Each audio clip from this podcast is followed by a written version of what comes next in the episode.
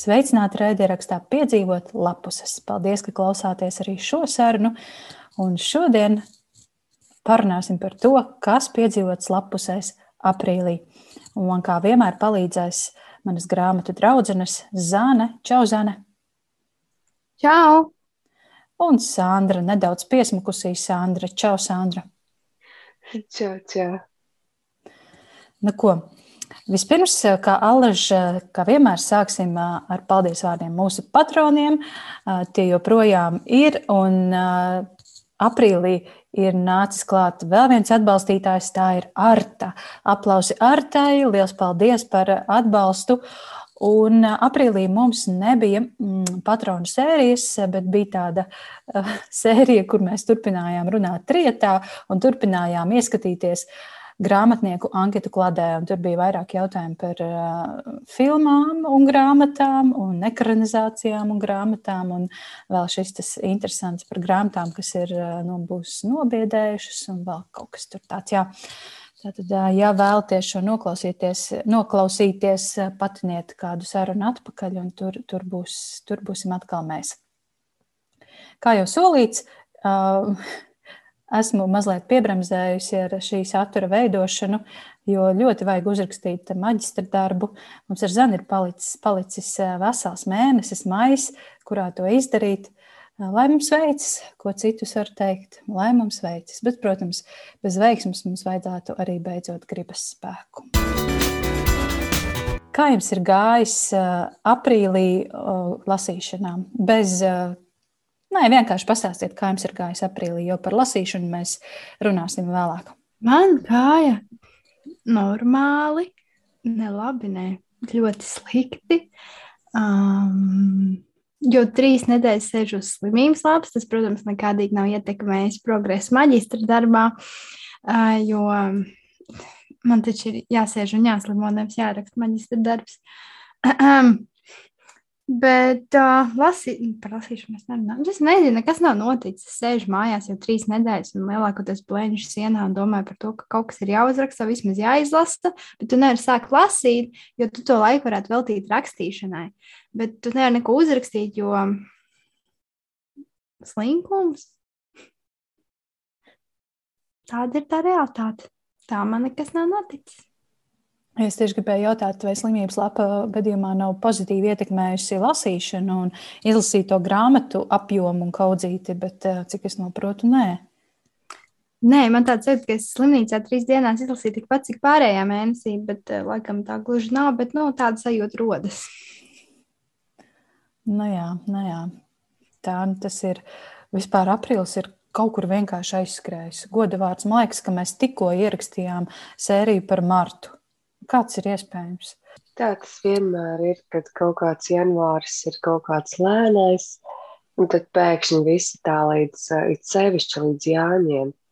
Un tad jāņos tā kā liekas tā pats, jau jau tā kā man vienmēr jāņos ir tāda sajūta, ka eju, viss tūlīt vasara beigsies, nu, tik ilgi gaidīt, un tagad beigsies.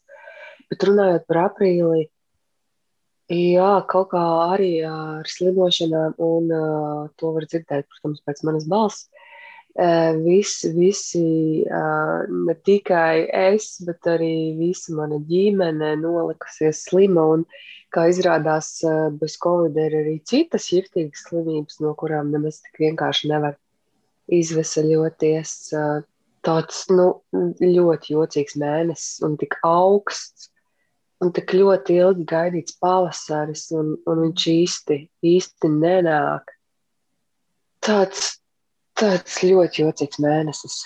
Bet lasīšana, nu, es mēģināju lasīt, eh, kas man te bija sakrājies, bet uh, ar visām tām slimošanām arī tas ir tā aptuveni trīsreiz uh, lēnāk tās grāmatas.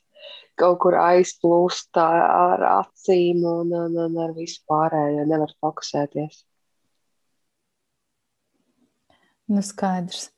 Nu, jā, es par sevi aprīlī varu pateikt, ka tas ir bijis ļoti ātrs. Tas ir ātri paskrējis. Man liekas, ka visu laiku viss kaut kas notiek. Es mēģinu iedzīt darbus, darbu pēc darba. Un, bet es esmu šo to arī izlasījusi. grāmatas gan bija tādas diezgan paplānas, un tomēr es esmu šo to izlasījusi. Man šķiet, vairāk nekā iepriekšējā mēnesī. Es gan vēl neesmu saskaitījusi, varbūt līdz uh, sarunas beigām būšu, būšu arī saskaitījusi, bet nu, ne jau tik daudz, protams.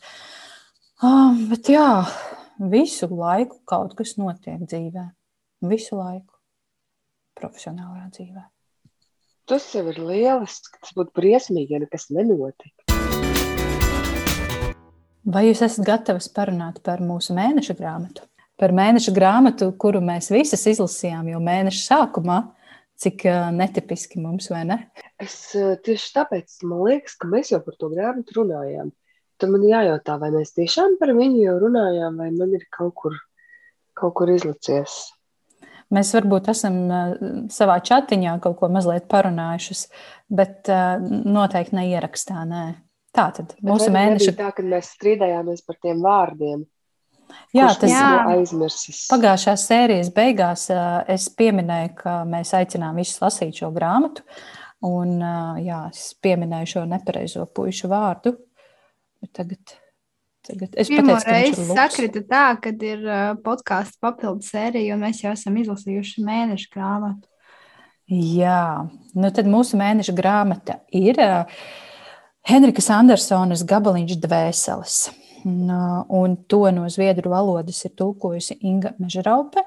Tā ir Rūtas Briedas zīmēts vāks, un to ir izdevusi izdevniecība Liels un Mazs. Paldies izdevniecībai Liels un Mazs par šīs grāmatas eksemplāriem mums un par vienu eksemplāru arī hmm, mūsu klausītājiem vai Instagram sakotājiem, kuru savā profilā izspēlēja Zane. Mums bija konkurss, eh, interesants konkurss ar jautājumu, kam eh, mēs esam gatavi, vai, vai tu vai jūs esat gatavi atdot gabaliņu dvēseles, vai par ko esat gatavi atdot gabaliņu dvēseles. Un, protams, šis laiks eh, paredzēja vienu atbildi, un, un līdzīgi tā tas arī bija. Par mieru, par draudzību, par to, lai karš beidzas, par, par spēku Ukraiņiem. Apmēram, apmēram tādas vai līdzīgas bija atbildes. Vēl kaut kas bija arī par ģimeni, es atceros, un par laimīgiem bērniem. Un tā. Un grāmata nonāca pie Linnas. Ja? Jā, es ceru, ka Linna, um, ja, ne, ja nav vēl izlasījusi, tad noteikti tuvākajā laikā izlasīs gabaliņu dvēseles. Un, uh, ja jūs vai tu vēlies šo grāmatu iegādāties, to ir iespējams izdarīt uh, liels un mazs veikalā, interneta veikalā vai arī dodoties uz liels un mazs veikaliņu tērbatas ielā. Tur tad nebūs jāmaksā arī par piegādi. Nu, ko? Kā jums patika Henrikas Andersonas gabaliņš dvēseles? Sāksim mūsu diskusiju. Man bija diezgan divējādas sajūtas. Uh, kaut kas vai nu rakstnieces stilā, vai, vai pašā stāstā iespējams, man uzlika tādu kā bloku, kad es līdz galam nespēju iejusties tajā galvenajā tēlā un ar viņu rezonēt, bet nu, varbūt man, tas ir vienkārši mans pieredzes trūkums. Kā lai pasaka, tādās demoniskās tēmās, un tas man šķita tā kaut kā dīvaini. Atceros, Aija ielika to rīlu vai tiktoku par to, ka tas ir trīs grāmatu savienojums kopā, un tur samanītajā atkal šī maģiskā nots bija tā, nu, savādāk. Tā bija mums te pati lietuviešu zināmā mūsu pagātne, mūsu pagānisms, bet šeit bija pavisam kaut kas cits, tāpēc es domāju, ja man noteikti būtu kaut kāds apakšzināšanas par uh, kaut ko negribās arī, nevar īsti nosaukt to vārdā, savādāk var arī bišķiņi nospoilot. Bet, ja man būtu apakšzināšanas, es labāk būtu izpratuši šo te galveno varoni un arī viņas um, puisi, nē, draugu, liku. Bet uh, atkal skatoties no ģimenes skatu punkta, kas bija ļoti līdzīgs sirds plaukstā, kur mazais brālis ir slims, un vecāku uzmanība tiek ļoti, ļoti vairāk veltīta viņām, un kā tas liek mazajai meitenei ātrāk pieaugt, jo viņai ir jābūt tam trešajam vecākam, šim brālim, ir jāsargā viņš un, un jāpārdzīvo viss šis grūtais laiks, kas ir Es pat nespēju iedomāties, cik grūti ir šajās ģimenēs. Arī kā mammas un tēta censos, tomēr ir tā, ka tu veltīsi lielāku uzmanību tam, kam viņa ir vairāk nepieciešama. Kaut vai viņa nepieciešama abiem, tas viens tomēr viņu nozog. Un, un šis te viss kopā, šī ģimene plus viss tas demoniskais, man sāka likties par daudz mm, vienkārši par daudz, varbūt. Vai arī stāstam varbūt vajadzēja būt garākam, nevis tik sasteigtam, lai tas tā kā pamazām atvērtos visas šīs sižeta līnijas, jo likās, ka tas ir vienkārši tāds bām, bām, bām, visu uzreiz, un tu vairs eh, neko nesaproti, un tad pēkšņi jau viss jau ir atrisinājums, un uh, viss grāmata ir beigusies. Es neteikšu, ka man nepatika. Vienkārši man šķita sasteigti, un jā, man pietrūka priekšzināšanu, vai arī tas, ka man nav šādas pieredzes. Hmm. Es, eh, viens no maniem jautājumiem būtu, kā jūs atceraties savus pusauģu gadus, pusauģu laiku? Uh, bet es nezinu, varbūt mēs par to tagad runājam, vai mazliet vēlāk. Uh, varbūt mazliet vēlāk. Uh, Jā, jo es gribēju ieskicēt nedaudz, um, par ko ir stāsts, lai tie klausītāji, kas uh, vēl nav lasījuši, varbūt apmēram saprot, apmēram par ko mēs runājam. Tātad stāsts ir par uh, meiteni. Viņai, viņai ir patsmitniece, meitene Mirjēla. Viņai ir mamma, viņai ir tētis, un viņai ir ļoti, ļoti, ļoti slims brālītis. Būtībā mammas un tēta uzmanība visa ir šim brālītim. Mazajam visi ģimenē domā tikai par viņa veselību, bet šī meitene Mirjēla ir tajā savas dzīves posmā, kad viņas pašas ķermenī, domāšanā, viņā pa, pašā notiek milzīgas pārmaiņas. Viņa tātad kļūst eh, pārtop no bērna un, un ir pusaudze ar visām no šī, no šī no fakta izrietošajām sakām. Viņai sāk interesēt puiši, viņai, viņai gribas puišu uzmanību, un tajā pašā laikā izmisīgi gribas arī vecāku uzmanību. Un tad viņi satiek ļoti, ļoti neparastu zēnu, puisi, jau, jaunu puisi vārdā Liks. Un šis Liks ir tiešām ļoti citādāks un atšķirīgs no tādiem zēniem, parastajiem, ja tā var teikt. Un jā, viņiem veidojas visai citādākas attiecības. Es teiktu tā. Nu, lai nenospoilotu, kā mēs te sakām, pārāk daudz tas varētu būt viss par sižetu. Mm, bet jā, Sandra, ko tu vari teikt par gabaliņu dvēseles? Nu, man ļoti aizrāva tā grāmata. Es atceros, kad es uh, sākumā lasīju nu, ļoti, ļoti. Uh, un vienīgais, kas man uh, pazemināja pašā beigās to grāmatu, ir tas, ka pašas beigas, jo uh, saistībā ar to, kā viņa tiek rakstīta un uh, cik neparasta tā virzība, un tu pat īsti nezini, uz kurieni tas žanrs tev aizvedīs, vai tur būs kaut kas mistisks, vai krimināls, vai, vai nu, nu, kas tur tāds notiksies. Un uh, man, man tiešām pietrūka, kad viņa vienkārši beidzās tā, un es arī savā atsauksmē rakstīju, ka man gribētos parunāt ar to autori. Bet, kā, bet kas īsti, kas, kas, no, nu, kā, kas notiek? Kā tas īsti beidzas? Nu, Es saprotu, ka cit, citkārt autori ļoti atvērti atstāja, tā kā lasītājs pats tur izdomā un pats paliek.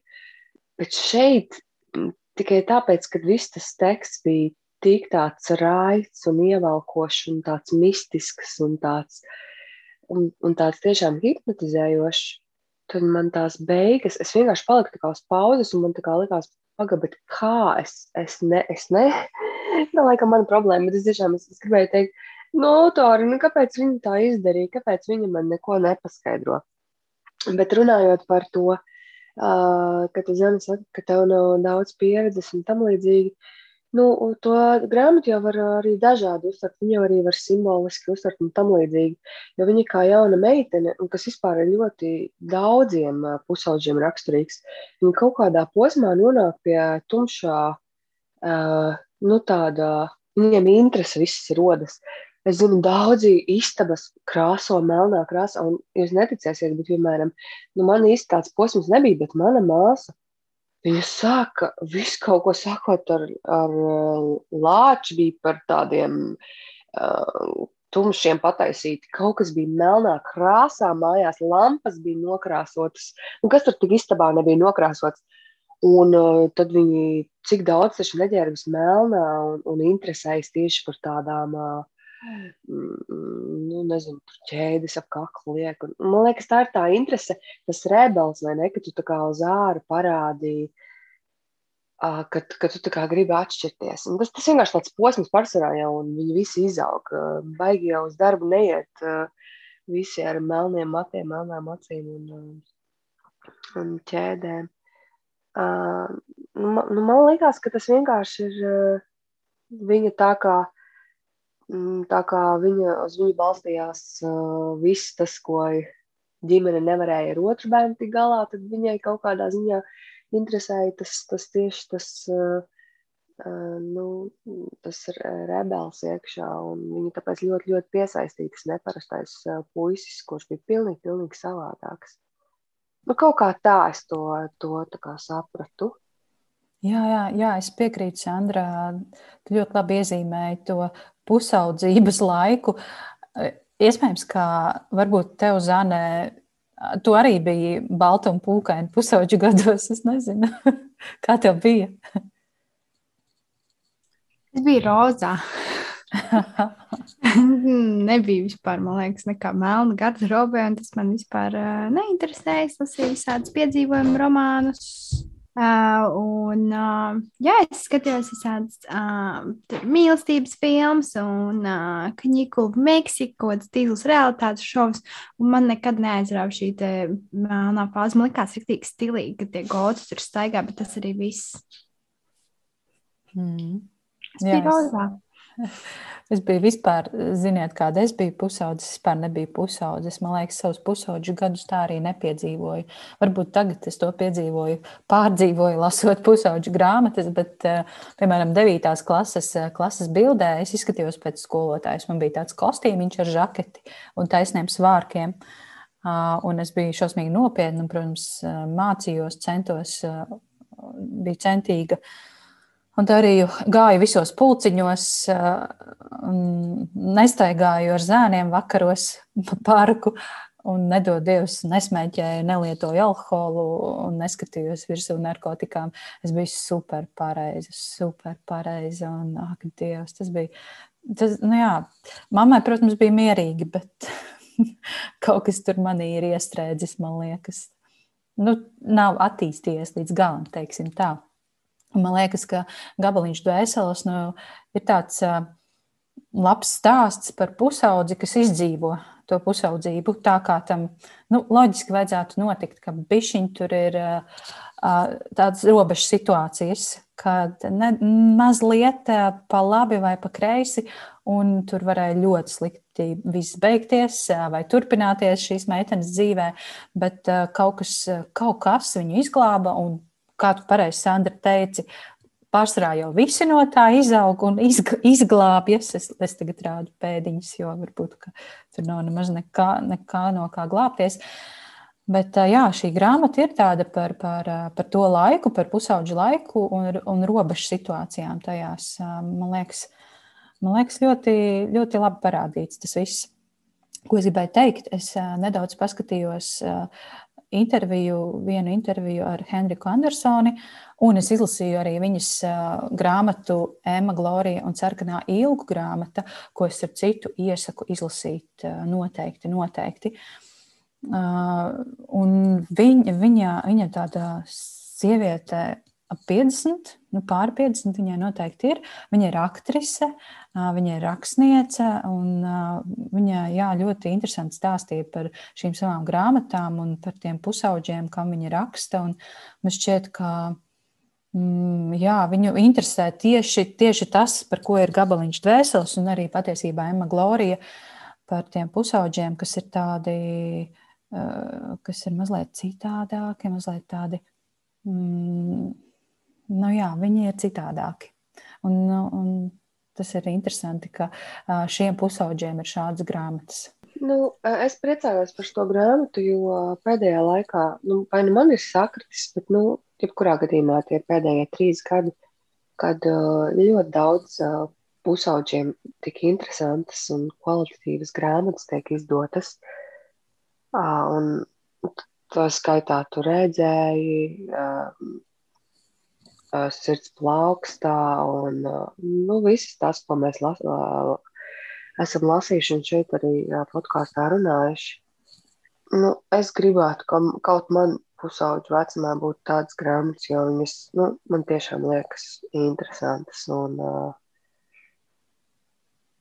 nevis uz kaut kādu, uh,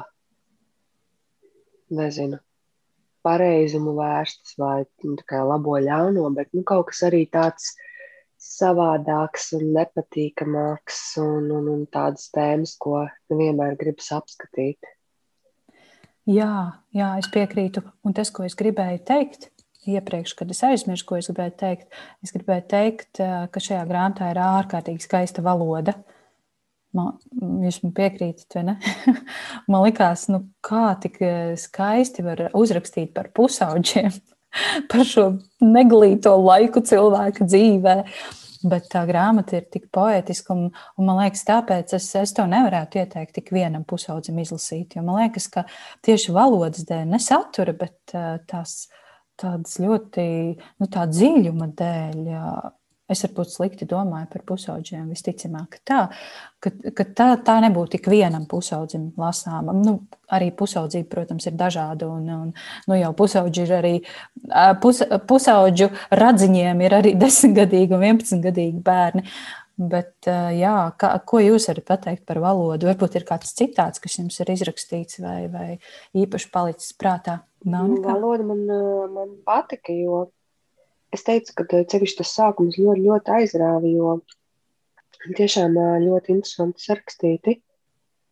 Un eh, tagad tas vispār ir kaut ko drusku savādāk saistīts, bet man tā citāts izrakstīts ir cilvēki ir bara dzīvnieki, lielākā daļa izvēlas pievērt acis. Un tas man kaut kā ļoti saistījās, protams, ar pašreizējo kara situāciju. Par to, ka nu, kā, kā vairums kā vairums dara, paskatīsimies, ko dara citi. Ja citi, teiksim, tur arī ies un, un tagad tur, nezinu, palīdzēs Ukraiņai, tad mēs arī. Un uh, lielākā daļa tomēr nu, grib pasargāt savu ādu un, un pievērt acis. Man tas ļoti saistījās ar pašreiz Ukraiņā notiekošo. Un tur vēl viens tāds citāts ir: Tā nav mana vaina, tā nav arī tava vaina, Ben, ka tu esi slims. Pie vainas ir dzīve, un dzīvi nevajag ienīst jo iespējams dzīve ir vienīgais, kas mums dots. Un tas ir tā interesanti, to, to saka māsa savam kā, slimajam brālim. Un uh, tajā pašā laikā, lai cik smaga situācija, viņa kā iesaka, nu, neienīst to pašu dzīvi, jo varbūt arī cita nekā nav. Un tas likās tā, tā ļoti nu, protams, no, pusau, no pusauģa ausīm tas izklausītos vienkārši fascinējoši, bet likās tik ļoti tā dziļi. Un, jā, dažkārt mums vienkārši ir tikai dzīve, un, un mēs redzam tikai tās problēmas un tam līdzīgi. Tie pašā laikā varbūt mums tās dzīves arī varēja nebūt vispār. Un tad tas, nu, jebkurā gadījumā ar pašreizējo situāciju un vispārējo lika tā ļoti daudz padomāt. Bet, nu, tur, tur ik pa laikam bija tādi citāti, jā, par ko padomāt. Jā, ļoti filozofiska grāmata pusauģiem. Vispār interesanti, ka šīs grāmatas tiešais tulkojums būtu nu, tāds precīzs tulkojums, būtu dvēseles driska. Kaut kas tāds nu, norauts, noplāsts. Bet uh, la, la, latviešu tulkotāja, droši vien redakto, redaktore uh, un izdevniecība izlēma tomēr par gabaliņu dvēseles. Kā jums šāda pārmaiņa? Es teiktais nosaukums šķiet uh, atbilstošāks, bet uh, mārketinga nolūkos gabaliņš dvēseles varētu būt tāds, jā, maigāks, piesaistošāks, vairāk pievērst uzmanību. Nu, jā. es domāju, ka šajā brīdī mēs varam mazliet parunāt par to, bet Sandra, tu jau arī tam pieskāries kādā brīdī. Ko, jūsuprāt, vispār var pusauģiem dot lasīt un par ko var vai, vai nevar rakstīt pusauģu grāmatās? Jā, vai tur ir kaut kāda robeža vai, vai mēs sargāsim pusauģus no kādām konkrētām tēmām grāmatās, jo, kā jau mēs minējām, šeit ir tādas visai Nu, ne, nu, te ir neierasta tēma, te ir tāds mazliet sātnisms, kaut, kaut kas tāds pavisam mistisks, nesaprotams. Nu, mums nesaprotams, baltajām rozām meitenītēm nesaprotams. Bet, jā, kā, kā jums liekas ši, šis jautājums par pusauģu literatūru un ko drīkst un ko nedrīkst lasīt pusauģu literatūrā bērni pusauģi? Paga, paga, āja. Tu man nepajautāji, vai man bija pusauģu vecums, par kurām rozām meitenītēm tu tagad runā? Aiziet, Sandra, stāsti par savu melno pagātni. vai tas, kad es ne, neielūdzu vecākus uz izlaidumu, arī stētās? De, devītās jā, klases? Draudz, nu, sākot ar devīto. Nē, nu, sākās jau ar astoto, kad bija mākslas skolas izlaidumi, bet, nu, Par, pār, par pārējo pagātni klusē un vecāku lielāko daļu nemaz nezinu. Kad es skaitījos, ka es mācos mājās, bet patiesībā stopēju uz uh, varakļāni pīci pīci, uh, kur mēs pa nakti palikām kaut kur neatceros, kur mēs tur vispār palikām. Un uh, gandrīz reizē atstapēju ar vecākiem, kuri brauc no laukiem. Uh, nu, par to, lai pagātne klusē visām pārējām izdarībām, ar ko mēs tur sagājāmies un vispārējā. Bet uh, vispār tev ļoti kompromitējošs jautājums. Uh, tu tagad vērtē, vai man paturēt podkāstā vai nē, ja? vai es atbalstu, vai es atbalstu tabū tēmas vai nē. Nu, nē, nu, es uzskatu, ka uh, nav tabū tēmas, jo dažkārt uh, literatūra ir, kā, nu, protams, kā mākslas veids, un citreiz mākslā patīk uh, izaicināt. Un tad ir tas jautājums, kas to lasa un kas kuram ir izaicinājums un uh, kā viņš to reaģē. Tāpat tās arī pieaugušo grāmatās. Um, kā mēs zinām, uh, tas šķiet ir tā kā jauniešu grāmata, bet, nu, man liekas, pieaugušo. Uh, tā grāmata, kas uh, pirms diviem gadiem šķiet uh, vinnēja uh, Nīderlandē, ārkārtas es tiešām neatceros nosaukumu, un uh, visas tās atsauksmes ir nu, diezgan švakas, bet teica, ka nu, viņa, ir, viņa ir šausmīgi tāda brutāla un vardarbīga. Nu, pat slikti paliek lasot. Man tiešām ļoti gribas izlasīt to grāmatu. Um, kaut kā viņš saucās uh, va, vakars, de, trīnīgi. Es, es mēģināšu atrast viņu un, un, un ieliksim linkā. Es viņu jau vairākus gadus mēģinu izlasīt, es viņu pasūtīju, bet kaut kā viņam līdz manim tā arī nenonāca. Jo nu, tas, kas tur tiek teikts, kas tur ir rakstīts, un cik ļoti arī pats autors negrib sevi saukt ne kā, ne kā meiteni, ne kā zēnu. Un, un viņam kaut kādā ziņā arī kaut ko viņš stāstīs par savu dzimtu un ģimeni, un tad tā ģimene atkal tur ir sacēlusies kājās, un vēl nezinu, kas. Gadā ziņā šis ir ļoti interesants darbs, un tajā pašā laikā viņš, viņš uzvarēja.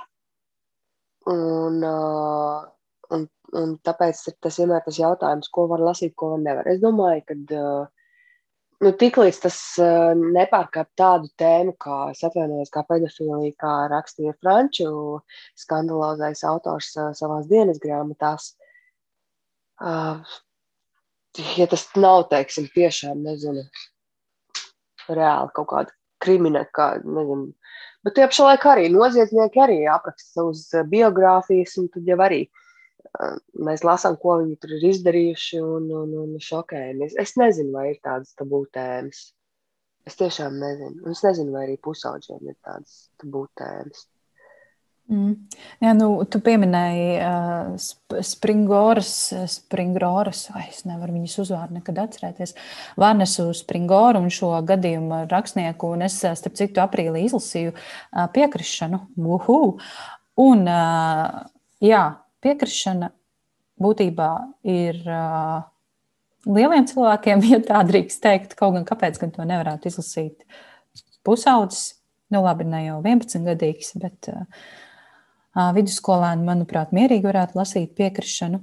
Bet tēma Glorija un Sarkanā ilga grāmata, es teiktu, ka ir pilnīgi par to pašu, par meiteni, kur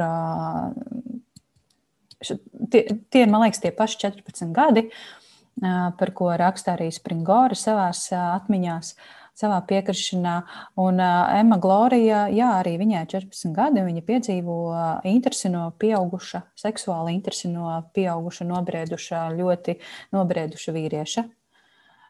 Bet Emma Glorija ir. Ļoti burvīga grāmata. Burvīga tādā ziņā, ka šī tēma ir uzrakstīta pusauģiem saprotamā valodā. Un tā ir atklāta, grāmata ir atklāta, bet to noteikti var lasīt pusauģi. Tāpēc es teiktu, ka nu, jā, man ir grūti pateikt, no kā pusauģi būtu jā, jāsargā grāmatās. Es varētu pateikt, no kā pusauģi būtu jāsargā dzīvē. Un kā rāda piekrišana, Vanesas šis stāsts, vecāki bieži vien um, nu, ir vieglāk nokontrolēt to, ko viņš lasa, bet uh, to, ko viņš dara, vai, vai to, ar ko viņš tiekas, mēs kaut kā tam baigi uh, vairs nu, negluži varbūt nepievēršam uzmanību, bet uh, vieglāk palaižam. Es nezinu, kāpēc grāmatas ir kaut kas, kas. Uh, kur vecāku vara izpaužas, vecāku vai skolotāju vara izpaužas lielākā mērā nekā tajās nopietnējās dzīves situācijās. Ar tabū tēmām ir tā, ka par viņām vajag lasīt noteikti, Mm, lai iepazītu pasauli. Bet uh, grāmata par tabū tēmu ir arī jāmāk uzrakstīt. Un galvenais šajā grāmatā ir vēstījums, ko tieši autors vēlējās ar to pateikt var rakstīt par pašnāvību, bet vai vēstījums būs, ka pašnāvības ir labas un tagad aizbēgs no visa, vai arī ka vēstījums būs, ka pašnāvība nav izēja. Var rakstīt par pedofīliju un uzrakstīt, ka tas ir labākais, kas tavā dzīvē ir noticis, un var rakstīt par pedofīliju, kas tādā veidā, ka tas ir pats sliktākais, kas ir tev noticis, un tas ir atstājis rēts uz visu mūžu. Tā kā tabū tēmas noteikti ir nepieciešams, lai bērni, pusauģi, jaunieši iepazītu to, ko vēl nav iepazinuši, kā arī lai vienkārši izprastu. Tas pats, kā mm, tu jau stāstīji maģistrā tēmas atklāsmes konferencē par bērniem un nāvi, jo Māma jau var visu kaut ko tam bērnam stāstīt par to nāvi, bet ja viņš izlasa grāmatā, piemēram, dzīve un nāve, kā bija tās Jāņa Rozes, tās nesen izdotās aizmirstos nosaukums. Manuprāt, es esmu dzīve, es esmu nāve. Jā, jā manuprāt, Māja ļoti labi pēc viņām izprat to, ko es centos viņai stāstīt jau gadiem ilgi. Un grāmatas vienkārši citreiz uzspiež uz īstajām pogām un, un tu, tu saproti.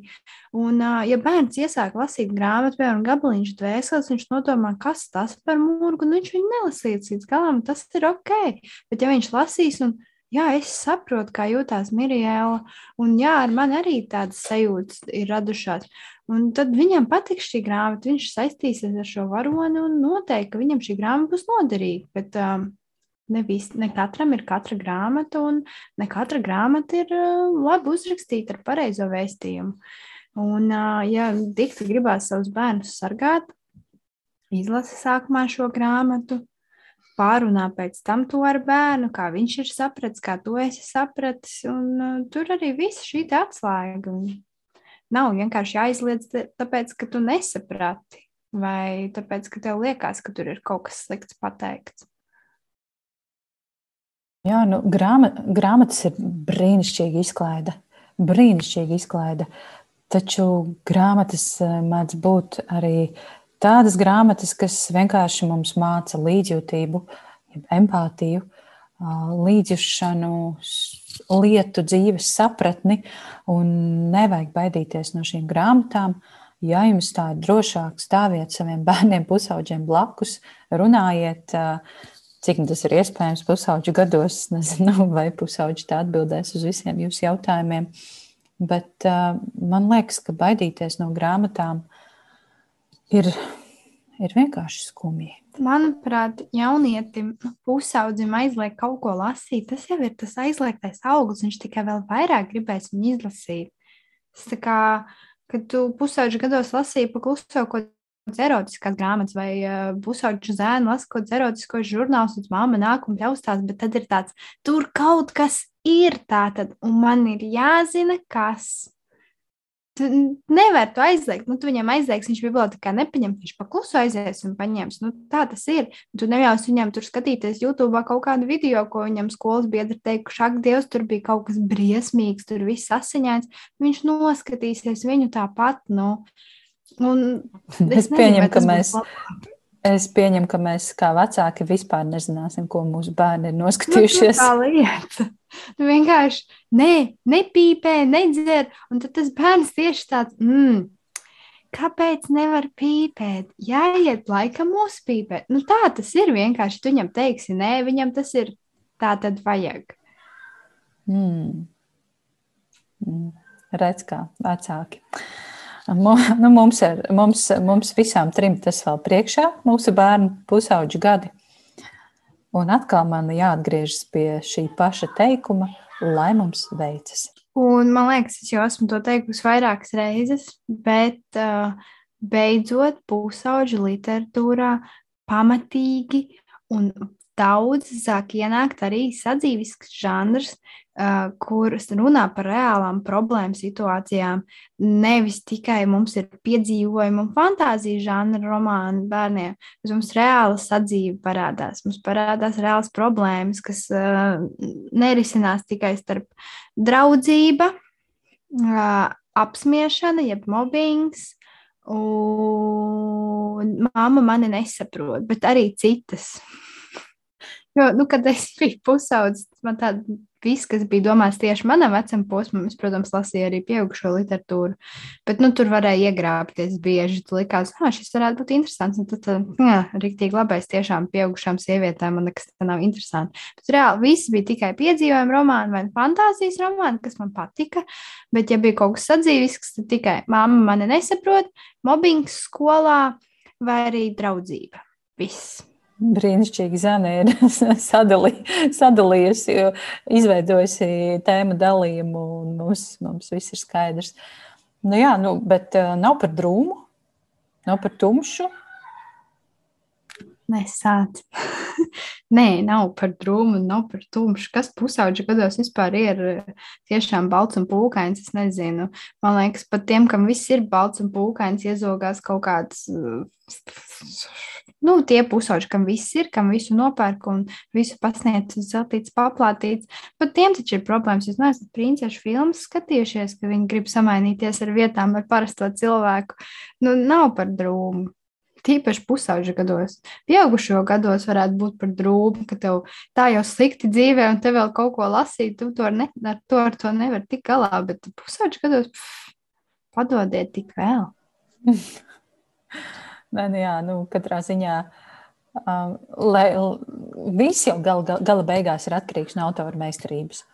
Uh, lai cik uh, priecīga, skumja, bēdīga, aizraujoša ir tēma, viss ir atkarīgs no tā, kā tas ir uzrakstīts. Un var runāt par nāvi, kā to piemēram dara Inese Zandere. Tagad nav grāmata pusauģiem, divas almas, bet to izdarīt tik eleganti, uh, ka šī grāmata ir vienkārši gaišuma iemiesojums, bet tā ir par nāvi. Un, tas ir tas, ko, tas ir tas, ko es meklēju grāmatās. Šo sajūtu, ko laikam var saukt par katarsi. Māks, mākslā to sauc par katarsi, kad izdzīvojot nu, lielu pārdzīvojumu, lielu satricinājumu, lasot kaut ko, tomēr autors spējas to pabeigt tā, ka man paliek viegli, ka man paliek gaiši. Es esmu bijusi pašā apakšā, bet eh, beigās es esmu vēl augstāk nekā augšā. Tā kā vēlreiz, jā, viss ir atkarīgs no autora meistarības, un te nav svarīga ne tēma, ne notikumi, ne galveno varoņu raksturī vai izcelsmē, bet jā, tas, kā to autors ir pasniedzis.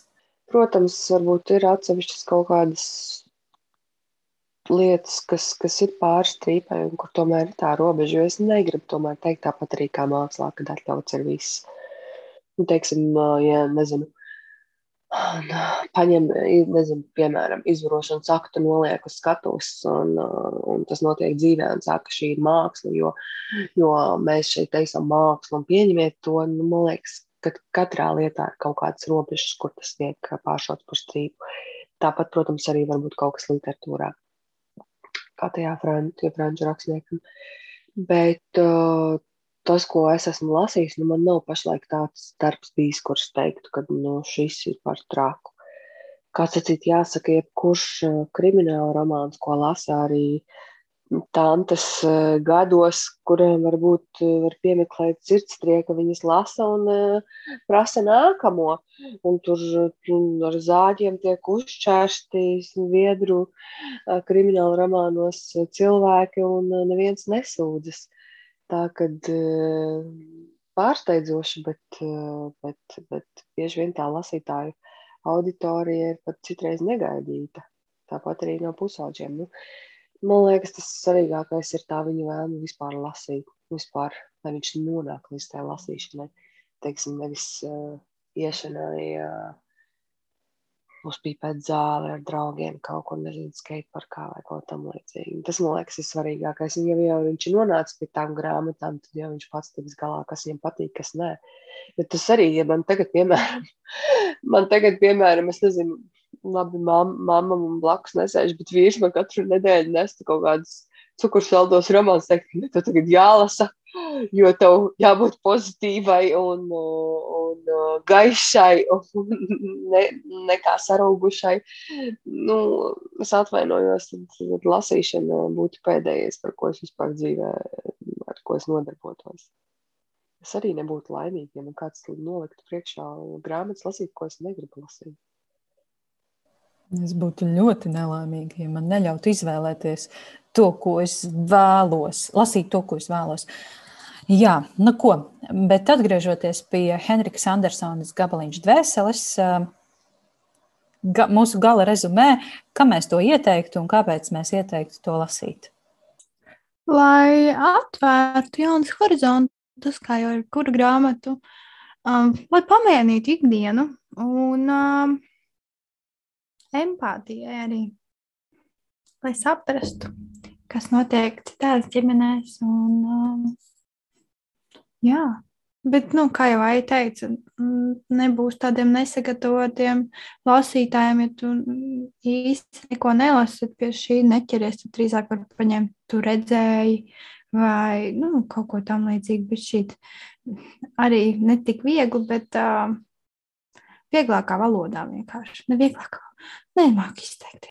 Es domāju, jebkuram interesētam lasītājam, kurš, uh, kurš vēlas izlasīt šo grāmatu, dažkārt jau tā liekas, ka uh, varbūt, piemēram, nelasītājam tā būs vienīgā grāmata, ko viņš tajā gadā izlasa, bet viņam liksies, oh, cik tas ir interesanti, un viņš izdomās lasīt vēl kaut ko. Tāpēc tā grūtība pateikt, nu, teiksim, o, ja tu izlasīji šito, tad lasi to, jo bieži vien ir tā, ka kā tu zini, tu arī teici, ka tev kaut kāda viena grāmata tu ņēmi un, un tev pēkšņi sākās lasīšanas bums. Un katram jau no mums ar kaut kas sākas, nu, tā vēlme uzzināt vairāk. Tā kā es teiktu, ja jebkuram iedršētam lasītājam vai, vai nejaušam, nejauši atrastam bibliotekā vai ieteiktai. Es domāju, arī, arī kādiem spurainiem pusauģiem, kuriem ne, ne, kuri nelasa. Tas varētu būt interesanti, jo tas um, galvenais varonis tas ir tas spurainais un, un, un, un tāds neparastais. Un, un tieši tas varbūt viņus varētu piesaistīt šai grāmatai.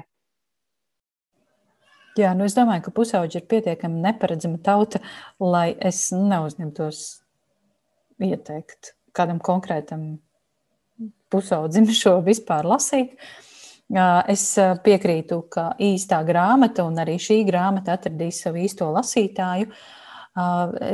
Man patīk, ka mūsu grāmatmīļu burbulī pusauģu literatūru lasa arī pieaugušas dāmas, sievietes labākajos gados. Un noteikti izlasiet. jūs, jūs šo klausāties, izlasiet. Un, jā, es domāju, ka te ir, te ir šis tas padomājums un pārdomājums. Un arī, var, var, arī jūs varat padomāt par pusauģiem un literatūru un tēmām tajā, un kas jums šajā grāmatā varbūt lika sarosīties, varbūt nērtībā sagrozīties, varbūt nekas tāds nebija, ne, nekā tāda nebija, un grāmata ir rozā un pūkaina kā mūsu un mana un Zanes bērnība un jaunība par gabaliņš dvēseles. Jā, lasu. No Līnas, kas šo grāmatu minēja mūsu koment, uh, komentāros. Uh, konkursā. Jūs esat gatavs? Jā. Patika. Tas ir viss, jā. Jā, jā. Nu, patika. Okay. Es uh, lasot uh, tikko šo visu garo penteri, ieraudzīju, ka, ka arī man ir dažas atsauksmes. Es pajautāju, kā varētu uh, kā varētu vienā vārdā šo grāmatu raksturot, tad Ārta uzrakstīja, ka viņai šīs grāmatas lasīšana vēl ir priekšā. Misijas lasītājai tā ir vēl jānopērk, bet Dace uzrakstīja mazliet garāk, ka tur bija daudz viskaut kas. Man bija par daudz slimība, valsts maiņa, sātanisms, mistika. Ui, viņa raksta. Nu, es zinu, ka Laime lasa, izlasīja šo grāmatu, viņai bija atsauksme mēs varētu ieskatīties pa kluso. Viņa mūs neatzīmēja, bet mēs pa kluso ieskatīties. Es atceros, jā, ka viņa bija ļoti, ļoti, uh, viņai ļoti patika šī grāmata. Un uh, viņa raksta tā, reizēm ir grāmatas, kuras ļoti, ļoti negribas, ka beidzas. Šī ir tāda, tik ļoti reāla, tik ļoti mistiska, tā, tik ļoti patika. Iesaku, iesaku. Lūk, tā, Agnesei Laima lasa ļoti, ļoti patika gabaliņš dvēseles.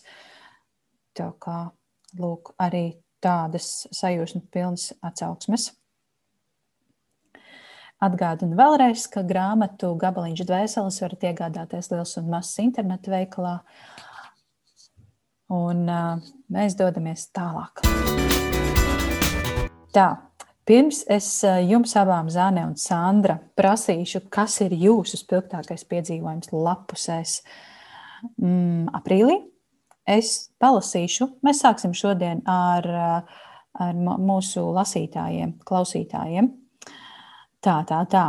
Es uzdevu Instagramā jautājumu. Jūsu spilgtākais piedzīvojums lapusēs aprīlī ir. Un uh, klausieties atbildes. Jo es domāju, ka te izskatās, ka mums ir bijusi vēl viena mēneša grāmata, un droši vien jūs nojaušat, kura tā ir. 365 lapuses saka, ka viņas spilgtākais piedzīvojums ir Vigānas bērni ir karaļi. Tik ļoti aktuāla gan par šodienu, gan par tuvāko nākotni. Diana raksta par Grosvaldiem, Ārta par, par to, ka viņa ir izlasījusi un izdzīvojusi izdzīvojušos, un pēc tam, pēc šīs grāmatas izlasīšanas, cenšas pati izdzīvot. Mēs lasītāja Ieva raksta par asinszemēm un par bērni ir karaļi. Katrīna tvert, tvert mirkli raksta par bērni ir karaļi, un saka, ka tā esot bijusi tik ļoti spilgta un mūsdienīga. Lasīt prieks ir izlasījusi Klau aizbrauksim uz Una Lašku. Hu, juhu! un rasa par bērniem saka, ka viņas spilgtākais spilgtākais piedzīvojums lapusēs ir bijusi vecā nošu grāmatā atrasta skolas himna. Uh, ja nošu grāmatas arī skaitās. Es domāju, ka skaitās, un tas ir visai oriģināls piedzīvojums lapusēs, kāpēc gan ne. Anete raksta, ka kopš 24. februāra viņai vairs nav nevienas spilgta, nav nevienas spilgta piedzīvojuma lapusēs, bet viņa cer, ka varbūt citu piedzīvojumu iedvesmos. Savukārt Kristīna ir izlasījusi meitiņu, un uh, vēl viena grāmata, kas viņu ir iedvesmojusi, ir Cilvēki un es. Uh, Elīna ir vienā piegājienā izlasījusi Lauras Vinogradevas upi, savukārt Guna ir izlasījusi mirušo armijas ģenerālis. Un, jā, viņa saka, ka ikvienam ir skaidrs, ka karš ir ļaunums, un šī grāmas, grāmata esot bijusi izjusta un ļoti simboliska. tad es domāju, ka mēs esam gatavas parunāt par mūsu spilgtākajiem piedzīvojumiem lapusēs aprīlī. Un droši vien, ka jauši nejauši mūsu saruna vedīs pie grāmatas ar ziliem vākiem, kuru es nu pat pieminēju arī daudzās mūsu klausītāju atsauksmēs. Bet uh, varbūt ir kas cits spilgts izlasīts aprīlī. Zilie toņi noteikti dominē mums šomēnes tikpat daudz, cik tie parasti Zanelāsa kontā dominē. Bet es, tā kā es jau pastāstīju par piekrišanu, viss tas ir beidzies, noiets etaps, uh, par vilku meiteni. Jo bērni ir karaļi, karaļi nebija vienīgais jaunums, kas iznācis uh, Jānis Rods apgādā. Uh, man ļoti patika. Nu, tāda pasaka, ko es uh, būtu lasījusi pati bērnībā, pusauģis gados, un, un, un, un Katrīna Randela ir vēl viena no tām rakstniecēm, kuras uh, grāmatas visas pēc kārtas vienkārši varu ieteikt. Tā kā es ieliku vakar Instagramā storiju, ja redzat uz vāka Delfīnas Devagānas vārdu, ņemiet ciet. Uh, to pašu var teikt par Katrīnu Randelu. Mēs jau lasījām par uh, teikšu, aizmirst Parīzes jumtiem. Un man vēl ir tā Ziemassvētku dziesma, plauktā, kas ir pasakaini skaista un arī ļoti, ļoti silts stāsts tur ir iekšā. Kaut kad sen apakaļ, kad mēs runājam par ziemu, es pieminēju šo grāmatu, un šeit atkal ziema, un ja mums vēlreiz būtu uh, jārunā par ziemu, šis ir vienkārši viss ziemas iemiesojums, uh, tātad uh, pasaka, es teiktu pasaka par Feo. Uh, un var teikt, arī viņas mamma, kaut vai mamma tur pazuda jau pašā sākumā, uh, kas dzīvo mežā un atjaucē vilkus. Un, um, man tik ļoti patika šis te mazās ģimenes modelītes, tikai mamma un meita meža vidū un dzīvnieki. Un... Kurš negribētu dzīvot mežā? Nu, labi, viss ne. Nē, tā nevar teikt. Bet uh, plus vēl uh, Krievijas vēsture, arī cara laiki. Vispār es tā arī neiegūlēju, es rīktīgi gribēju. Tiešām viņi vilku šitā tā ņēma un nobaroja līdz viņi vairs nebija derīgi un tad izmet uh, mežā. Būs man jāiegūlē vēl. Un, uh, uh, jā, Kaut arī, protams, paredzama pasaka, kā jau pasakas, bet noteikti noturēja man uzmanību, kā arī uh, lieliski parādīja galvenās varonas raksturu un personības attīstību, un uh, autors uzbartie ziemas skati.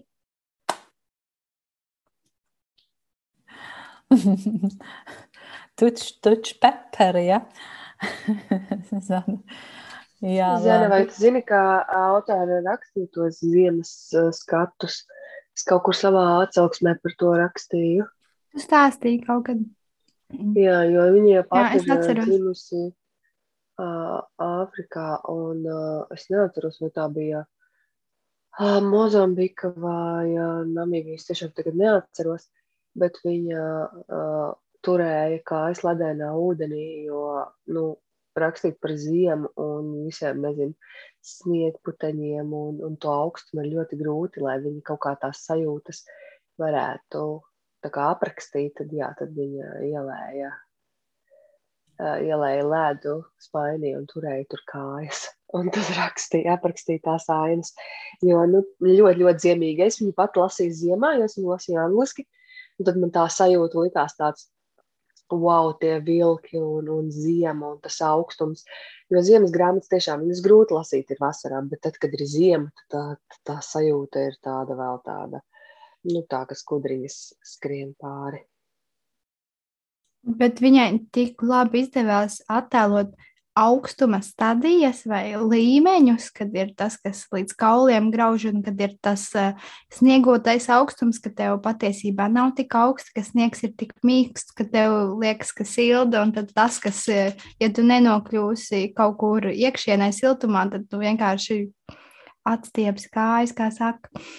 Un, manuprāt, cilvēkam, kas dzīvo Āfrikā, ir perfekti izdevies attēlot augstumu. Nē, nu tagad viņi, protams, tagad viņi dzīvo Londonā un, uh, studē šeit doktorantūrā, un uh, pēdējais darbs viņai tik, tikko iznāca, un uh, kļuva par um, Sunday uh, Times top desmitniekā iekļuva, kas ir ļoti liels sasniegums. Un interesanti, ka tā nav bērnu grāmata. Viņai ir ļoti daudz bērnu grāmatas. Es vēl nesen viņai uh, noklausījos grāmatu par džungļiem, Explorer, tā viņa saucās kur bērni nonāk pēc lidmašīnas avārijas džungļos, tad mēģina izdzīvot. Īstenībā, ja tā padomā, tad kaut kas drusciņi, nu, varētu uz to pusi teikt, ka mūsu tā laimes grāmata par to, kā tie bērni tos džungļos uzzina kaut ko jaunu, kas, kas ar tiem dzīvniekiem un visādi tur arī mērkaķi un, un arī briesmas un viss kaut kas tāds. Un, jā, pašlaik viņa, viņa Londonā studē, un tas, ka viņa ir arī tik interesanta pati par sevi persona, viņa ļoti, ļoti iestājas par visādām cilvēktiesībām un minoritātēm. Un arī tas, ka viņai patīk uh, balansēt uz tās virves. Un, tāpēc arī bija Sofija Čels un Parīzes jumti, jo viņa tā relaksējās. Balansējot uz virves, varbūt mums arī vajag pamēģināt. Varbūt ne gluži uzreiz starp māju jumtiem to novilkt. Varbūt starp gultu 5 centimetru virs zemes, bet, bet tik interesanti. Es nezinu tādu rakstnieku, kurš relaksējas ejot pa virvi. Un, nu, katrā ziņā viņa ir ļoti neparasta un interesanta autora, un tieši tāpēc arī viņas darbi un tieši bērni viņas darbos ir nu, izteikti tādi wild. Jā, man patīk šie bērnu tēli, kas ir pilnīgi nu, kaut kas wow, tāds, tāds pretspēks ierastajam. Kā, mēs esam, varbūt, pieraduši. Kaut gan nē, bērniem ir baigi draiskuļi grāmatās. Uh, Visādi ir bērni. Nu jā, bet katrā ziņā tiešām Katrīnas Randelas bērni kaut kā izceļas ar kaut kādu īpašu iezīmi. Jā, nu, fu, mans spilgtākais piedzīvojums lapusēs aprīlī. es pat nezinu, vai es gribu par šo stāstīt, bet uh, pavisam īsi es izlasīju divas latviešu, jauno latviešu autoru grāmatas, pateicu atklāti, ko par tām domāju. Un, uh, un tad, tad tas, kas sekoja, bija visai interesanti. Bet droši vien, ka publiski es to neiztirzāšu. Vienīgi reizēm es esmu dzirdējusi visādus komentārus par to, ka grāmatu blogeri reklamē grāmatas, ka mēs sakām tikai labu par grāmatām, ka mēs slavējam un nesakām, ko domājam, nekad nekritizējam. Bet tad, kad mēs to izdarām, tad tas nereti mēdz pavērsties pret mums. Un tās reakcijas ir visai interesantas. Tas īsumā, bet, ja mēs runājam par grāmatām, tad gan jau, ka mēs tūlīt runāsim par vegānu, bet es vēlreiz, vēlreiz vēlos pieminēt Tatjanas Tolstejas lūšku, kas bija noteikti viens no spilgtākajiem piedzīvojumiem ne tikai aprīlī, bet es ticu arī vispār šogad. Uh, Tā ir ārkārtīgi neparasta grāmata. Nu, kaut kas tik savāds, un, un tieši vārdu savāds es gribu izmantot. Tajā ir, uh, bet tik. Uh, Tā bija interesanta, tā bija ļoti rosinoša, tā bija nērta grāmata, tā bija satīriska grāmata, un tā bija tieši šim laikam tik atbilstoša grāmata par Krieviju, ka, ka, kura ir būtībā Krievijas. Nu, tur vairs nav šīs milzīgās Krievijas. Tas, ko mēs kā lasītāji lasām, ir par, par būtībā tādu mazu sāģu.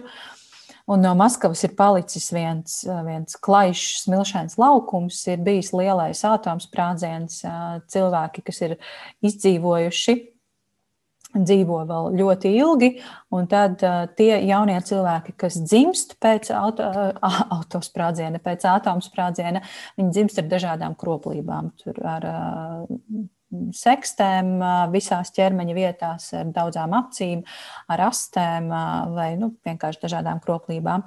Bet uh, ķermeņa kroplības nav nekas salīdzinot ar, ar gara kroplību un, un domāšanas kroplību, kādā šī sabiedrība dzīvo. Uh, Un lasot Tatjana Stalstejas lūšku, kas ir izdota, man liekas, pirms, pirmo reizi izdota pirms desmit gadiem, nu, jā, krievu valodā, angļu, valodā vispirms, pēc tam krievu valodā.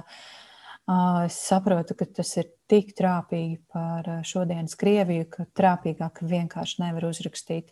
Tā grāmata, tas nav, tas nav varbūt vieglākais teksts, ko lasīt, bet es ne, negribu nobiedēt, tas nav arī baigi sarežģītais. Tas, kas tur ir, ka es domāju, katra līmeņa lasītājs šo tekstu eh, var uztvert pa savam. Jo nu, tāds eh, mazliet ambālis kā es, to var izlasīt un, un saprast un paņemt kaut kādu vēstījumu. Bet es domāju, ka tas ir arī mm, izcils teksts augsti intelektuāliem cilvēkiem, un tur var noteikti slāņu slāņus saredzēt un izlasīt un atkost. Uh, kā ļoti, ļoti laba grāmata. Atkārtoju vēlreiz tieši šim šodienai lasiet. lasiet. Kaut kāds savāds miers, varbūt nē, bet nu, tāda kā piepildīta atriebības sajūta ir lasot par, par šo sabiedrību. Jā, es noteikti iesaku Tatjana Tolstejas lūšku. Ja jums kaut kur gadās šī grāmata, vai, vai ja negadās, tad nopērciet vai paņemiet bibliotēkā, palasiet. Sandra, tu esi Man... Jā. Noteikti gadīsies šī grāmata. Mm, es jau viņu ieliku vasaras lasīšanas sarakstā, bet tu man te saintriģēji, kā jūs komentārā rakstīji, ka es nezinu, cik ilgi es nocietīšos, bet nu, redzēsim. Es arī ļoti vēlos izlasīt. Uh, Aija, mēs pie karaļiem atgriezīsimies, bet uh, tā nebija vienīgā grāmata, kas uh, man patika. Es, protams, beidzot izlasīju uh, 1794, kas ir turpinājums 1793. Nu, tur jau es esmu stāstījis. Tas ir, es neteiktu, ka tā ir grāmatā visiem, bet uh, katrā ziņā kaut kas, kaut kas uh, man ļoti patīk. Vēl viena uh, grāmata arī no Zviedriem ir, varbūt es maldos, uh, tas ir uh, bijušais mūks, uzrakstījis praktiski savu stāstu, Jorns no tikko Lindenblāts. Un uh, tas uh, kaut kā es nezinu, Es esmu lasījusi uh, mūkus, kurš pārdeva Ferrari un tam līdzīgi, bet tas viss ir saistīts ar to, kā nopelnīt naudu, kā kļūt tur, nezinu, bagāts, viedāks un blā, blā, blā. Un, un tev galu galā beigās jādomā, bet pagaidi, kur beidzas tā sevis reklamēšana un, un kur sākas tā veiksmīgā dzīvošana, jo galu galā nu, vēlas pārdot to grāmatu pamatu lekcijas un vispārējo, kas ir, kas ir tā veiksmes uh, satura nagla. Tad šī grāmata ir pavisam savādāka, jo autors ir miris un uh, attaisot grāmatu arī uh, izkrīt man tāda paskarte, kur tieši tā arī rakstīts, ka viņš ir pats izvēlējies aiziet no dzīves, jo viņš saslima ar ļoti smagu slimību un viņš izvēlējās eitanāziju kopā ar saviem nu, klātesošiem ģimenes locekļiem. Tāpēc eh, nu, tā liekas, ka tā ir tā nezinu, aiz, aizkapa, aizkapa vēstījums. Un, un tāpēc to visu lasot, es nezinu, bet bija tik eh, tāda mm, nevis pozitīva, bet bija tāds, nu, tā kā man liekas, balzāms dvēselē, tāds, tāds eh, ļoti, ļoti patīkama sajūta, bet nevis tikai pozitīva, jo tur ir daudz arī skumju. Tur likās tā, mm, nu, ļoti sirsnīgi, ļoti atklāti. Un viņš nebaidās sevi teiksim, nolikt kaut kā augstāk, ka viņš ir iemācījies, kā meditēt un kā būt labāk. Tieši otrādi viņš tajā grāmatā raksta par Uh, kad, kad ik laikam, protams, mums ir jebkuram, arī, arī tiem, kas māca meditēt, ir tie pārdzīvojumi, uh, visādas uh, traumas un kaut kas, kam viņiem jātiek galā arī uh, arī mentālās eh, problēmas un arī sadzīves problēmas. Un, un tas likās tik, eh, tik cilvēcīgi, un eh, beidzot tev kāds nemēģināja kaut ko pārdot, bet, bet tajā pašā laikā likās tik ļoti, ļoti daudz par ko padomāt. Un, uh, tur tik ļoti, ļoti daudz tādu uh, citēt, citātu vērtu, um, kā lai saka, uh, nu, ar hindiņu. Viņš pats viņu nav rakstījis, viņam palīdzējuši ir draugi, bet tas ir viņa dzīves stāsts. Katrā ziņā ļoti tāda, ļoti, ļoti laba pēckarša palika pēc tās grāmatas. Un, uh, un man tiešām ļoti patika tā grāmata. Hmm. Es tā kā nebiju do, domājusi to lasīt. Man vienmēr mazliet bail no šādām grāmatām, bet uh, varbūt, varbūt, ka es arī Sandra lasīju to atsauksmi un man likās, kaut kā laikam tu mani ieinteresēji, bet uh, jāskatās, protams, kas, kas būs ar laiku tuvākajā dzīvē. Um, Bērni ir kā, karaļi, Delfīna Devigāna. Mēs tik ilgi gaidījām šo grāmatu, un ar tādu sajūsmu mēs gaidījām šo grāmatu. Es domāju, ka būtu diezgan nu, muļķīgi, ja mēs par to vismaz mazliet neparunātu. Uh, šis ir Delfīnas Devigānas uh, jaunākais, pēdējais, pagaidām pēdējais romāns. Romāns par sociālajiem tīkliem, par cilvēkiem tajos, par mums, par mums. Nelieksimies, arī mēs esam sociālajos tīklos aktīvas, vairāk vai mazāk. Bet, jā, kādas ir jūsu sajūtas par bērniem, karaļiem un Delfīnas divi kādas jauno romānu? Jā, nu, protams, ko lai es saku, vegāna, vegāna, vegāna. Es esmu lasījis viņa cit, citas grāmatas, un man šķiet, ka katrā grāmatā viņi mēģina paņemt nu, kaut kādu savādāku topiku. Tad ir par vecajiem ļaužiem un pansionātu, un tad ir par mobbingu darbā, un tad ir par pusauģu um, bezpajumtniekiem. Un šis ir tās ļoti aktuāls temats.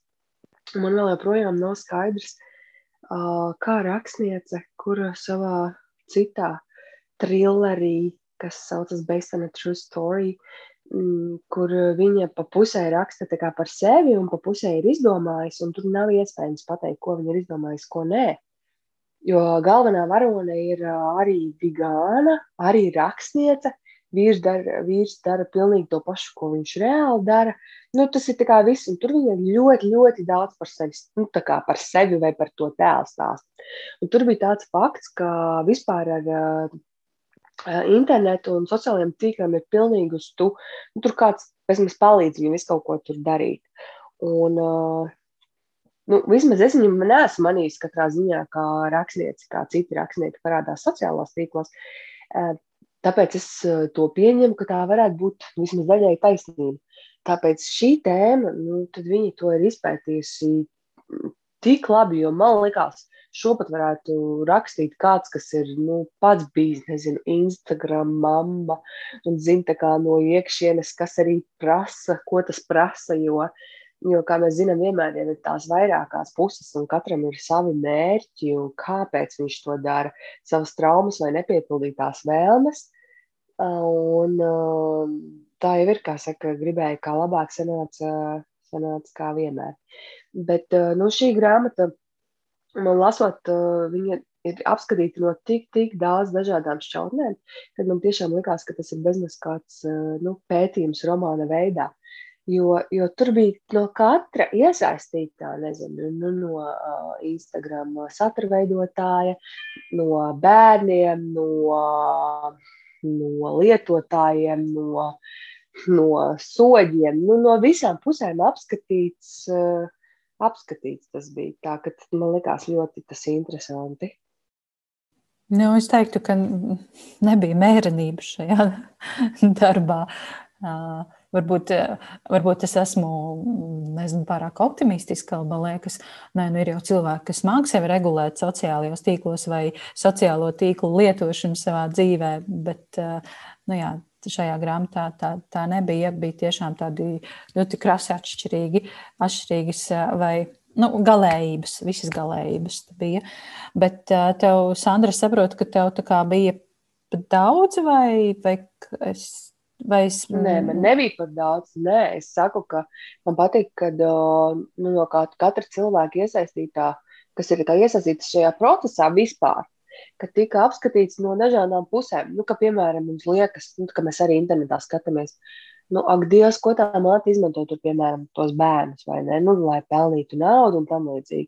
Bet tajā pašā laikā man patīk, kad viņi nu, parāda, ka tas jau nav nemaz tik vienkārši. Pirmām kārtām, cik daudz arī tiek ieguldīts, kādas ir tie psiholoģiskie um, stresi, ar ko sasniedz, kā, viņa, kā pati tā māte rakstīja, cik viņa ir vientuļa cik viņai, nu, cik visa tā beigās dzīve ir aizņemta. Un, un tas jau arī tas jau nav tā vienkārši sākumā, varbūt liekas tikai, ko tad viņi dara, tur ieliek tikai bildes.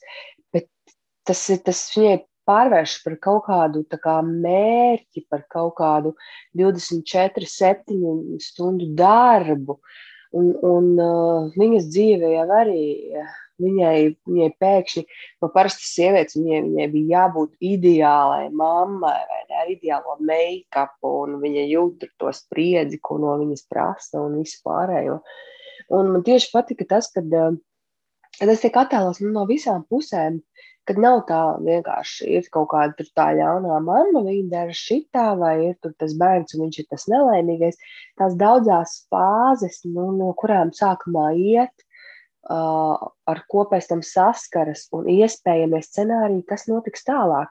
Bet patiesībā jau tas scenārijs ir ļoti reāls, jo mēs sakam, interneta zvaigznes tagad dzimst. Bet tās pašas televīzijas zvaigznes, viņi, viņi ir tā, tā pati situācija. Es, piemēram, nezinu nevienu A listu, nezinu, sakot ar Makonu Kal, nu, nevienu no A listas zvaigznēm bērniem, kuri ir izauguši bez kaut kādām atkarību ārstēšanām, narkotikām, jo, jo viņi gluži tāpat kā sportisti, kamēr viņi kaut ko dara, tikmēr viņi visiem ir vajadzīgi un visi par viņiem fano, un tad vienā brīdī viņi vairs vienam nav vajadzīgi.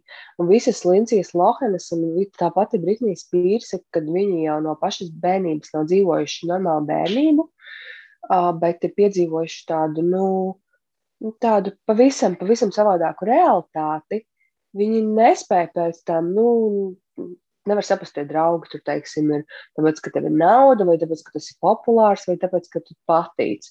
Un pie katras mazākās kļūdas tev visi var norādīt. Un, nu, ja paskatās, no es tiešām nezinu, kuras zvaigzne ir izaugusi bez atkarībām. Citas ir Tāpat, nezinu, Drūpa Berimona vai kas, kas pēc tam izveidoja savu karjeru, bet viņa taču arī teica, cik gados jau viņa lietoja narkotikas, jo vienkārši nevar tikt tais lodzē pāri. Jo bērniem, nu, viņiem tomēr tas ir augšanas process, un viņi paši, paši vēl nespēja novērtēt, kas ar viņiem notiek. Tā ka man liekas, tas viņas Vigānas radītais scenārijs ir ļoti, ļoti reāls. Delfīns Devigānas jaunākā grāmata bērni ir karaļi, kā jau Sandra teica, ir absolūti bezmaz vai zinātnisks pētījums par mūsdienu pasaulē tik bieži sastopamajām Instagram zvaigznēm, TikTok zvaigznēm, YouTuberiem un tā tālāk. Vienīgais, kas tur vēl pietrūka, ir šie bērni, jeb patērētājs. Kāpēc vispār tas izrodās? Protams, ka ir arī patērētājs. Uh, kas sēž stundām pie ekrāna. Un, uh, lai gan tas uh, otrs izmeklētājs, neatceros, kā viņu sauc, uh, pieminēja, ka viņš uh, uzzinājis, ka viņas meitas ir fano par šo pazudušo meitenīti un ka viņas stundām pavada pie ekrāniem laiku, un viņš sāk apzināties, ko patiesībā viņām reklamēja ik sekundi. Uh, un, uh, jā, man arī patīk šis teikt, ka tas ir apskatīts no visām šķautnēm un ka par to sāk arī runāt.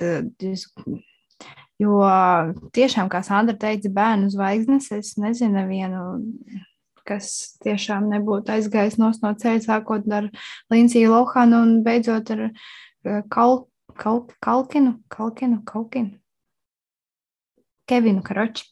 Vēl es vēlējos pateikt par šo grāmatu, kā visvairāk man nokaidināja tēvs, kas vienkārši māja visam ar galvu. Nu, cilvēki, nu, taču iztaisno mugurkaulu, vai tu neredzi, tie taču ir arī tavi bērni. Nu. Mm, viņš arī ne, viņš nebija uztaisīts tāds, ka viņš ir naudas kārs, ka viņš to dara dēļ naudas, tāds sajūta, ka viņš vienkārši to dara, jo neko citu nespēju pateikt, neko izdarīt. Es ne, tikai es nesaprotu šo tēvu tēlu. Man viņš šķita kaut kāds grejs, vai arī nezinu, tie vīrieši citi ir dīvaini. Un, um, jā, šī ir vienkārši izcila grāmatu. Tieši vakar pabeidzu lasīt, tāpēc man būtu jābūt svaigām domām. Un es vakar sēdēju, ak, Dievs, cik daudz es stāstīšu rītā par šo grāmatu. Man viņa vienkārši tā iedeva pa smadzenēm. Es rītā nereāli par viņu stāstīšu.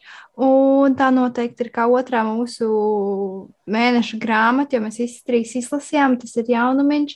Un tad pienāca šodiena un podkāsts, un es apsēžos, kā sauc galveno varoni. klasika, klasika, jā. Labi, man jums abām ir uh, provokatīvs jautājums par vegānu. Uh, vai jums nešķita, ka viņa tomēr Un, jā, visās pārējās grāmatās, visās pārējās divās iepriekšējās, ko es lasīju, es to tā nejūtu. Bet tieši bērnos un karaļos es tomēr gribētu teikt, ka es tur jūtu tādu kā moralizēšanu, tādu kā mazliet. Jā, to es sauktu par moralizēšanu. Kā, kā jums, vai jūs to jutāt vai nejutāt, un ko jūs varat komentēt? Īsti nē. Abas vienlaicīgi. Piedod, bet, Nē, bet nu, nē. tas pats. Es arī nē. Es ilgi lasīju viņu. Uh, nu, kaut kā man bija tas, es nedrīkstu lasīt, man jāraksta maģistrs, bet nu, tas nenāk, kas uzrakstīja. Un es lasīju par tādiem krikumiņiem, un uh, tas ir slikti. Es domāju, man būtu vēl labāks domas par šo grāmatu, ja būtu viņu izlasījis norm, kā normāls cilvēks. Bet nē, es īsti nejūtu, ka tur notiek moralizēšana. Bet, nu, varbūt tas atkarīgs vai tu piekrīti šim um, viedoklim, ka uh, tā ir bērnu eksploatēšana vai nē. Nu, es saku, tur ir, tur ir ļoti slidena robeža, jo es zinu, man arī skolā ir tāda bērna, kas nu, viņa lielākais sapnis kļūt par youtuberi. Un uh, viņiem pat nav svarīgi, vai viņiem tur tā nauda nāk, vai kā. Viņš vienkārši priecājas, ja kāds no klases biedriem noskatījies viņu video, tad pasakā, jā, tas bija rīktīgi labais, vai tev tur tajā spēlē tas un tas. Viņam vienkārši patīk dalīties, un tas ir ok. Un tāpat kā ir um, cilvēki Instagramā, kam ir trīs bildes, un tās visas ir ar uh, random kokiem, un tad ir uh, sievietes, kam ir nu, vīrieši. Tam ir 500 selfiju, un tas arī ir ok. Nu, es saku, tas atkarīgs no tā bērna. Viņam tas patīk, vai vecāks jūt robežu, ka viņš šodien negrib. Bet, ja tas pārvēršas par biznesu, tur vairs nav negrib, tev ir parakstīts līgums, un tev tas ir jāizdara tāpat kā pieaugušam cilvēkam darbā, bet no nu, uz bērnu nedarbojas šie te. Uz Francijā ir pieņemts tas likums, ja par bērnu nodarbinātību, kā tur bija pieminēts, vai ne? Nu, pētījušas, jo mēs to neesam, bet grāmatā tas tā bija rakstīts. Jā.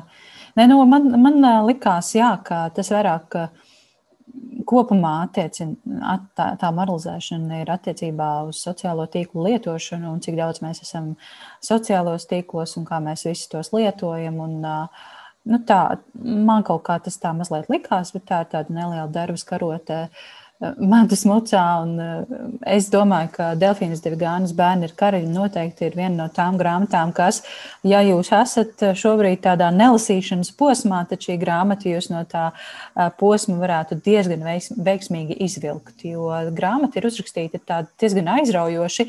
Tur ir tāda kā detektīva intriga. Iespējams, ka tā intriga nav ne, ne tik liela, Un, un to, kas, kurš it kā ir vainīgs, var nojaust jau kaut kur, kaut kādā brīdī, grāmatas eh, vidū, sākumā. Bet eh, tik un tā, darbs ir uzrakstīts eh, tā, ka gribas šķirt un lasīt uz priekšu. Un tas viss ir tik tepat blakus. Un mēs gar acīm jau redzam to vienu instamāmu, kas arī varētu būt tik līdzīga un, un aprakstīta tur. Bet es, es domāju par Latvijas kontekstu, un es īstenībā nevarēju izdomāt, vai man nav piemēra.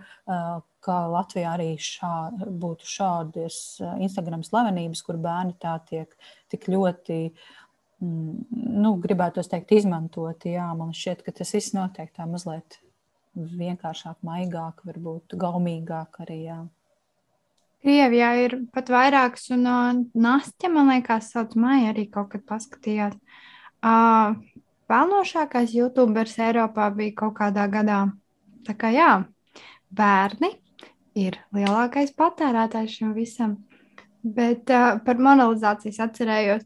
Man patīk, ka viņi to bija mm, no sākuma, no pagātnes, no šo abu sieviešu jau pusauģu gadiem bērnības līdz tai pašai nākotnē aizvedus, jo tajā pusauģu gados tā, um, kā lai to pasaka, neatkarība, bet nu, šis te tā patika pret uh, realitātes šoviem kas reāli ir tas pats, tikai reāli ikdiena visu laiku no tavām mājām, parādīja, kā tas ir attīstījies. Un tieši tāpat pagātnē, iespējams, kāds moralizēja par eh, šiem realitātes šoviem. Tas tā normāli atnāca no darba mājas vai no skolas mājas, visu, ko darīja, skaties realitātes šovus. Bet mm, es arī tāds reiz darīju uh, šo pašu kaņikulu Meksiki, un senai bija kaut kādi 14, 15 gadi, un viņi tur dzer un lamājās caurām dienām. Man liekas, ej, tu nost tik smieklīgi. Bet uh, Es nezinu, varbūt man jākļūst par insta mammu tagad. Lūdzu, nevajag. Es jokoju. Bet, nu, ja kāds grib atsūtīt mājai drēbes, es neatteikšos. Es esmu trīs nedēļas slimības labs. Ok, ok. Sadarbības piedāvājumi, lūdzu, Zanai. Jautāju par Latviju. Redz, Latvijai tie apjomi arī, ko viņi pieaugušiem maksā, ir nu, nevis mazāki, bet nesalīdzināmi ar, ar kā, līgumiem, kādus slēdz ārzemēs. Un tur tiešām tas, tas ka nu, no, no sākuma jau tas viss liekas kā spēle, un tiem bērniem jau patīk atvērt tās dāvanas, kuram gan nepatīk arī pieaugušajiem. Bet tad, kad tas aiziet, vai tu drīkst izvēlēties zilu krāsu, nu, kā tas puisītis, ka viņš gribēja atvērt vai ne tās vēlas, vai, vai ko viņš gribēja, un ka teica, nē, ka tikai tā māsa drīkstēs, tāpēc, ka mūsu kompānija redz, nu, puikas šo nereklamēs. Tad tas, tā, tā jau vairs nav spēle, tā vairs nav nekāda viņa personīgā izvēle, tā vairs nav uh, nekāds tav, tavs kaut kāds radošais sniegums. Tas ir tikai konkrētie noteikumi, pēc kuriem tev jāspēlē. Un tā, tas vairs neliekas nu, ne jautri, ne. Tas, nu, jebkurā gadījumā, paliek nomācoši, lai cik tas sākumā tur neliktos interesanti. Un uh, otrs vēl, kas tas interesantais aspekts, ko, ko viņi vēl skatījās, uh, uz, eh, protams, arī tie visi, kas patērē, tā ir tā slēptā reklāma, ka viņi, ka viņi arī grib tieši tādu pašu dzīvi, jo viņiem liekas, ka tā ir realitāte. Nu, ka tā kā tie bērni ar to vien, to vien nodarbojas, bet tas jau, tas jau nav nekāds joks, un tas, tas nav nekas vairs, uh, uh, nu, tikai šodien paspēlēsimies. Un vēl tas arī tas par to, par to darba aspektu, kā rakstīts, ja bērni modeļi ir, tad uh, viņiem ir konkrētā tā neaizskaramā naudas daļa, ko ir, kā, nu, kas viņiem pienākas, ko vecāki nedrīkst, nav kā pārstāvi paņemt. Bet, ka šis nav regulējams, šie naudas līdzekļi, un kad, uh, principā, tas labākā gadījumā tas nonāk bērnu nākotnē. Sliktākajā gadījumā vecāki vienkārši labi dzīvo. Un tas nav tā kā ātrināts, tāpēc ka tas ir kaut kas tāds, kā mēs redzam arī Latvijā, ne tie sodi, kur tika uzlikti influenceriem par, par nenorādīšanu, ka tā ir reklāma un tam līdzīgi. Tas viss vēl tik jauns ir un viss vēl tik tāds, visu laiku tā kā caur zivs tīklu, visu laiku kaut kas slīd ārā. Kā to regulēt, kā to noteikt. Un par bērniem tad vispār. Mm. Jo, jā. Jā, nu, tā nākotne, ko iezīmēja autore grāmatas noslēguma daļā, nu, tā bija tiešām baisa. Nu, tas bija baisi patiesībā. Tas, kā šie sociālie tīkli bija pārņēmuši galvenās aronas pasauli, ak, oh, Dievs, tas ir šausmīgi, šausmīgi. Ko mēs lasīsim maijā? Šis ir mēnesis, kurā es ceru nelasīt. Un beidzot vienkārši izdarīt to, kas ir jāizdara. Bet uh, mums taču būs mēneša grāmata, vai, vai ne, Sandra? Nu, paga, uh, kāds ir mēneša grāmata, kuru nelasīt? es nosaukšu jums tagad mēneša grāmatu, kuru jūs varat nelasīt. Un sekotājas piemēra. Nē, nu, bet es tiešām, nu, mēs, mēs varam atstāt uh, nelasīt mēnesi. Nē, nu, lasām, lasām. Vienu jau mēs ar Zani kaut kā uz pusēm varbūt sadalīsim. es sākumu, tu beigas. Zani. Nē, nu, bet būs, būs grūti tā, būs grūti. Nav man īsākas grāmatas, diemžēl. Es domāju, tad atstājam šo mēnesi. Uh, katrai jāizlasa kaut kāds pārsteigums. Oh, redz, kā, redz, kāds pagrieziens.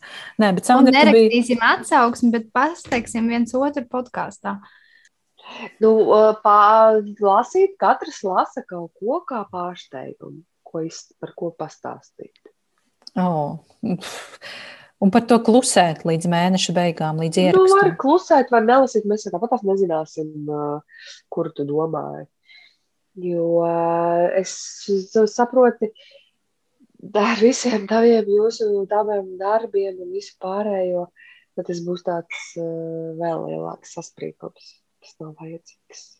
Māju mēs Jā. gribam izbaudīt kā skaistāko pavasari. Nebūs. jā, jā, nē, nu es labi kaut kādu vienu grāmatu droši vien, ka es izlasīšu. Bet uh, visticamāk, jo droši vien, ka vairāk es izlasīšu. Es, ne, es negribu neko paredzēt, pareģot un uh, vienkārši turamies. Un maijs, lai ir skaists mēnesis, lai mierīgs mēnesis.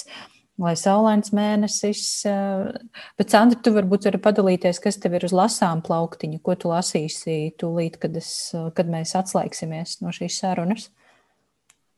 Ticiet vai nē, man nav nekā, ko lasīt pašlaik. Tas ir, man ir pilns grāmatplaukts ar uh, grāmatām angļu valodā un latviski, bet uh, man pašlaik nav vēlmes neko no tā cilāt. Vakar izlasīju pavisam jaunu darbu e-versijā un uh, pašlaik es nezinu, ko lasīt. Nu, skumīgi. Skumīgi, Zana, varbūt tev ir kaut kas, ko tu gribi izlasīt.